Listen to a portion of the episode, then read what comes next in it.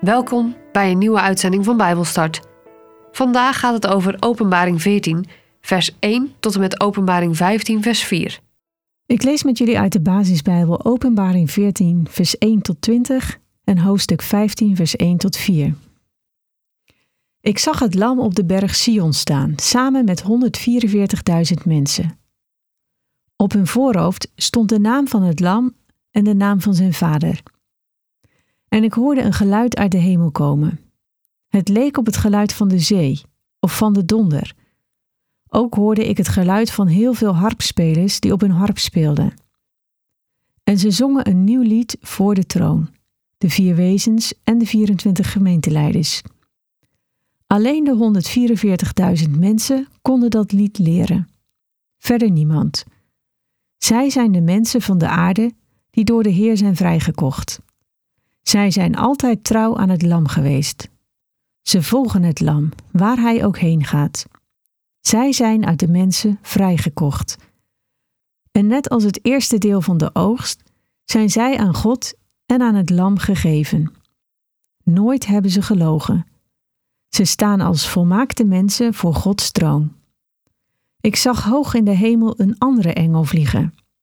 Hij had een eeuwige boodschap voor alle mensen op aarde voor alle volken en stammen en landen en talen. Hij riep luid: Heb ontzag voor God en eer Hem, want het moment is gekomen dat Hij gaat rechtspreken. Aanbid Hem die de hemel, de aarde, de zee en de waterbronnen heeft gemaakt.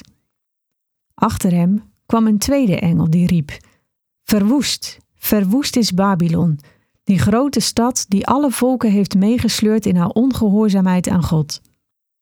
Achter hem kwam een derde engel, die luid riep: Alle mensen die het beest en zijn beeld aanbidden en het merkteken van het beest op hun voorhoofd of op hun rechterhand hebben, zullen uit de wijnbeker van Gods straf moeten drinken.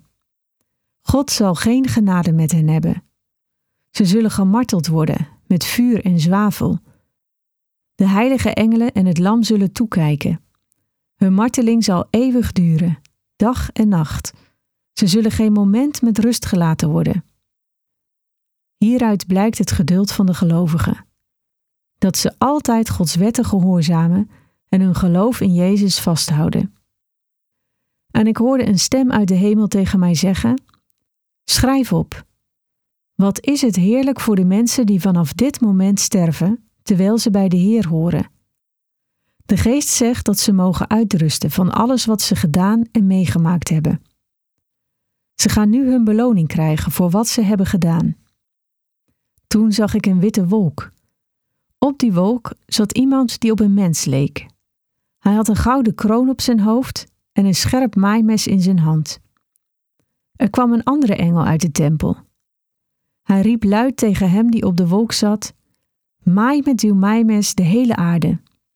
Nu is het tijd om te maaien. De oogst op de aarde is rijp. En hij die op de wolk zat, maaide met zijn maaimes de hele aarde. Er kwam nog een engel uit de tempel die in de hemel staat. Ook hij had een scherp maaimes. En een andere engel kwam uit het altaar. Hij had de macht over het vuur. Hij riep luid tegen de engel met het scherpe maaimes: Maai met je scherpe maaimes de hele aarde. Oogst de druiventrossen van de wijngaard op aarde, want de druiven zijn rijp. En de engel oogste met zijn maaimes de druiven van de aarde. Hij sneed de druiventrossen ermee af en gooide ze in de grote druivenpers van Gods straf. De druiven werden in de pers buiten de stad geperst. Er kwam een enorme stroom bloed uit. Het kwam tot de teugels van de paarden en tot 1600 stadien ver.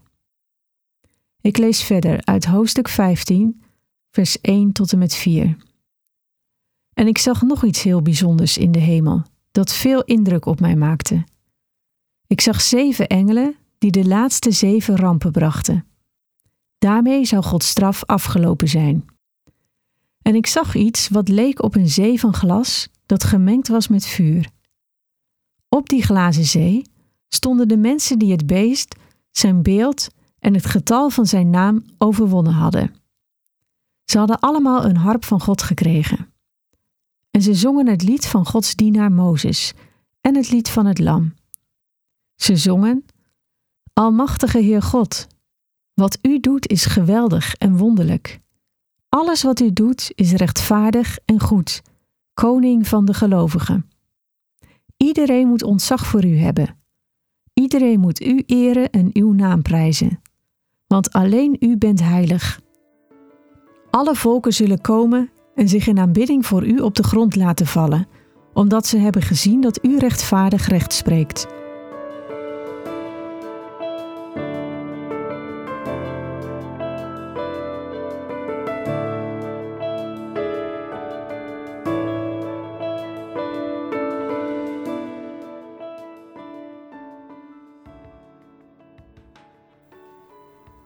Vandaag behandelen we een aantal nieuwe taferelen die Johannes ziet gebeuren. Hoofdstuk 13 beschreef de verschrikkelijke aanval van het kwaad die zal plaatsvinden als Satan en zijn helpers de wereld beheersen. In dit hoofdstuk zien we een glimp van dat wat de gelovigen te wachten staat als ze volhouden. Het lam is de Messias, Jezus. De berg Sion wordt tegenover het wereldse rijk gezet. Sion is vaak een andere naam voor Jeruzalem, de hoofdstad van Israël. De 144.000 mensen vertegenwoordigen de gelovigen die hebben volgehouden tijdens de vervolging op aarde. En nu is het moment dat ze daarvan gaan genieten. Ze gaan genieten van het eeuwige leven bij God en alle zegeningen die daarbij horen. De drie engelen die beschreven worden vanaf vers 6 laten het verschil tussen gelovigen en ongelovigen zien. Eerst wil ik nog even met je kijken naar vers 3 en 4 de 144.000 mensen die het lied kunnen leren, de andere mensen niet. Zij zijn de mensen van de aarde die door Jezus zijn vrijgekocht. Deze mensen zijn trouw aan het lam geweest. Ze volgen het lam waarheen hij ook gaat. Ze zijn uit de mensen vrijgekocht. En net als het eerste deel van de oogst zijn zij aan God en het lam gegeven. Deze mensen zijn geestelijk zuiver gebleven omdat het ware gelovigen zijn. Ze zijn gewassen en gezuiverd door het bloed van Jezus. Deze mensen zijn Jezus trouw gebleven en hebben Gods beloning gekregen omdat ze toegewijd zijn gebleven. In het Oude Testament zie je dat geestelijk overspel vaak symbool staat voor de dienst aan de afgoden, maar deze mensen zijn trouw aan God gebleven. Vanaf vers 6 lezen we over de drie engelen. Johannes ziet een andere engel vliegen, hoog in de hemel. Hij had een eeuwige boodschap voor alle mensen op aarde, voor alle volken en stammen en landen en talen. Hij roept: Heb ontzag voor de Heer en eer Hem, want het moment is gekomen dat Hij gaat rechtspreken. Aanbid Hem die de hemel, de aarde, de zee en de waterbronnen heeft gemaakt. Sommige mensen geloven dat dit de laatste wereldwijde oproep is aan alle mensen om God te erkennen als de enige echte God. Niemand kan meer het excuus gebruiken dat ze nooit van Gods waarheid hebben gehoord. Andere mensen zien dit eerder als de aankondiging van het oordeel en niet zozeer de aankondiging als een oproep, de laatste oproep. De mensen van de wereld hebben een kans gehad zich bij God aan te sluiten en nu staat Gods grote oordeel op het punt te beginnen. En als je dit zo leest of hoort, dan heb je dus al van Gods waarheid gehoord. Je weet dat Gods laatste oordeel uitgesteld wordt. En de vraag is nu: heb jij die goede boodschap al aangenomen? Als jij kunt beleiden dat Jezus jouw redder en Heer is, dan is de rechter van de wereld jouw verlosser. En dat is goed nieuws. Achter hem, achter de eerste engel, ziet Johannes een tweede engel. En die roept: Verwoest, verwoest is Babylon. De grote stad die alle volken heeft meegesleurd in haar ongehoorzaamheid aan God. Babylon was een immoreel keizerrijk. Het was een verdorven stad het centrum van de afgodendienst en afgodenverering. En Babylon staat hier dus niet alleen voor Rome, die de christenen verdrukte, maar Babylon staat hier voor alle vijanden van God. Alle vijanden, in het verleden, het heden, maar ook in de toekomst. En ik moet denken aan het lied van Martijn Buwalda, die zingt over Babylon. Die stad die er prachtig uitziet, verleidelijk mooi. Ze fluistert in je oren precies wat je wil horen. De wegen daar gaan waar jij graag heen wilt, zolang zij mogen zeggen waar je gaat. Je bent hier van je eigen vrijheid slaaf. Je haalt adem, maar je leeft niet. Je hebt vleugels, maar je zweeft niet. Babylon wil je ziel, maar ze vergeeft niet. En dan wordt er opgeroepen om weg te gaan en het geeft niet, want je krijgt jezelf er weer voor terug. Daar moest ik aan denken als ik lees over Babylon. De stad die iedereen verleidt om verkeerde dingen te doen, die je slaaf maakt van jezelf. Maar deze stad, deze immoraliteit en deze verleiding, de stad die alle volken heeft meegesleurd in haar ongehoorzaamheid aan God, die is verwoest. En dan volgt er nog een derde engel, in vers 9 tot en met 11. En deze riep luid: Alle mensen die het beest en zijn beeld aanbidden en het merkteken van het beest op hun voorhoofd of op hun rechterhand hebben, zullen uit de wijnbeker van Gods oordeel moeten drinken. God zal geen genade met hen hebben. Ze zullen gemarteld worden met vuur en zwavel. De heilige engelen en het lam zullen toekijken. Hun marteling zal eeuwig duren, dag en nacht. Ze zullen geen moment met rust gelaten worden. En ja, ik snap dat als je dit leest, dat mensen wel bang worden voor het oordeel. Maar let wel, dit gaat om mensen die het teken van het beest hebben. En dus niet de mensen die het zegel van God hebben gekregen. Het gaat om mensen die het beest aanbidden, zijn merkteken op voorhoofd of hand hebben aanvaard en handelen volgens de regels van zijn economische systeem. Die mensen zullen uiteindelijk met Gods oordeel worden geconfronteerd. De wereld waarin wij leven vindt macht, geld en genot belangrijker dan God. Maar hoe zit dat met jou? Vind jij God belangrijker dan het hebben van veel geld?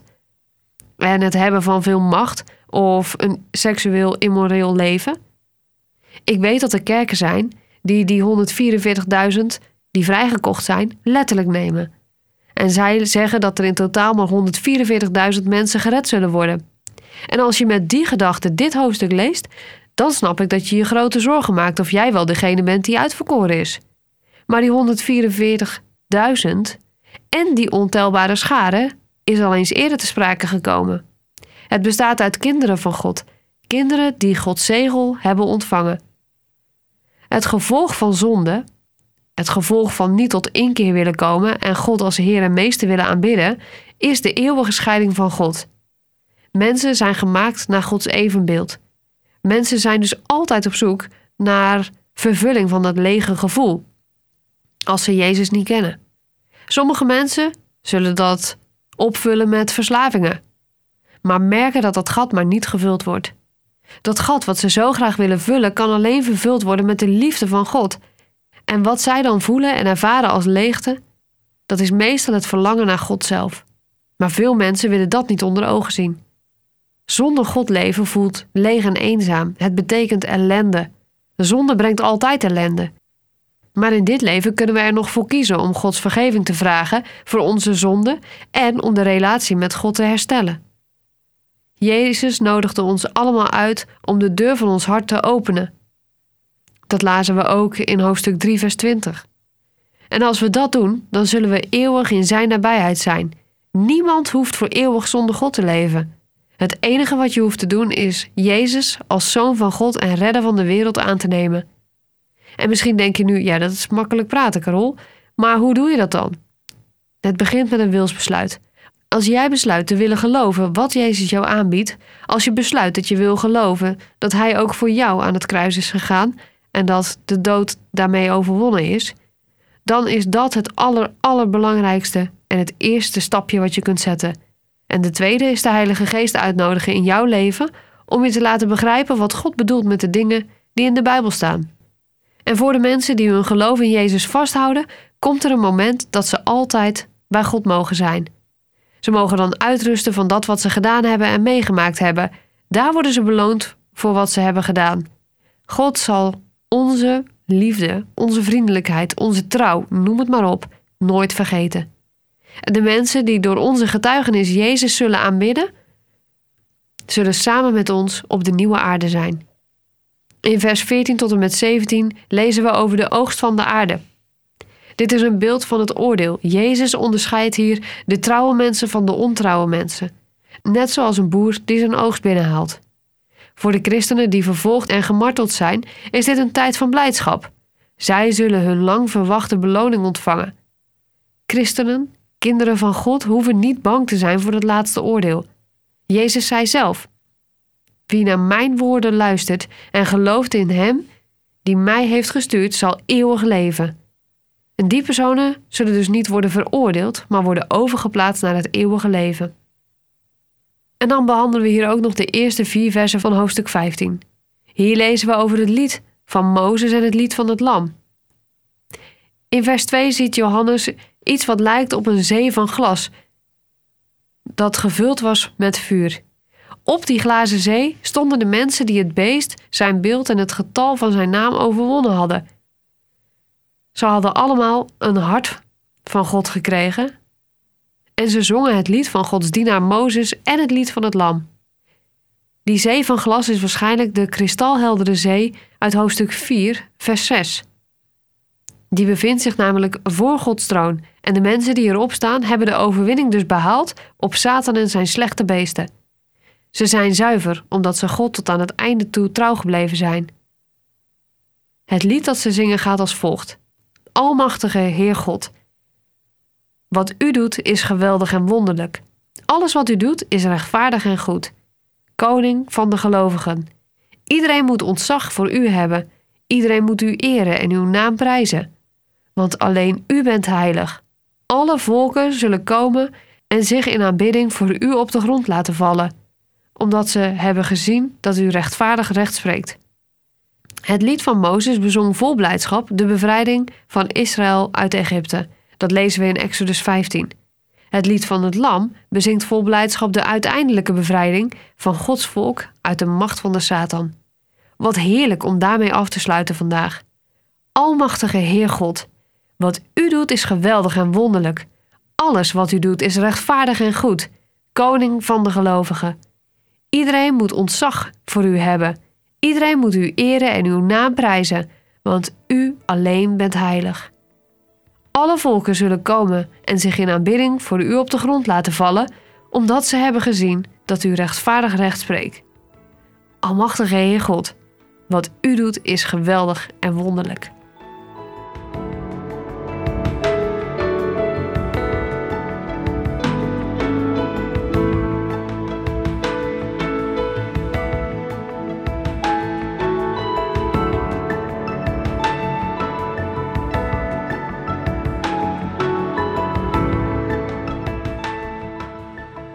Dit was Bijbelstart, een programma van TWR.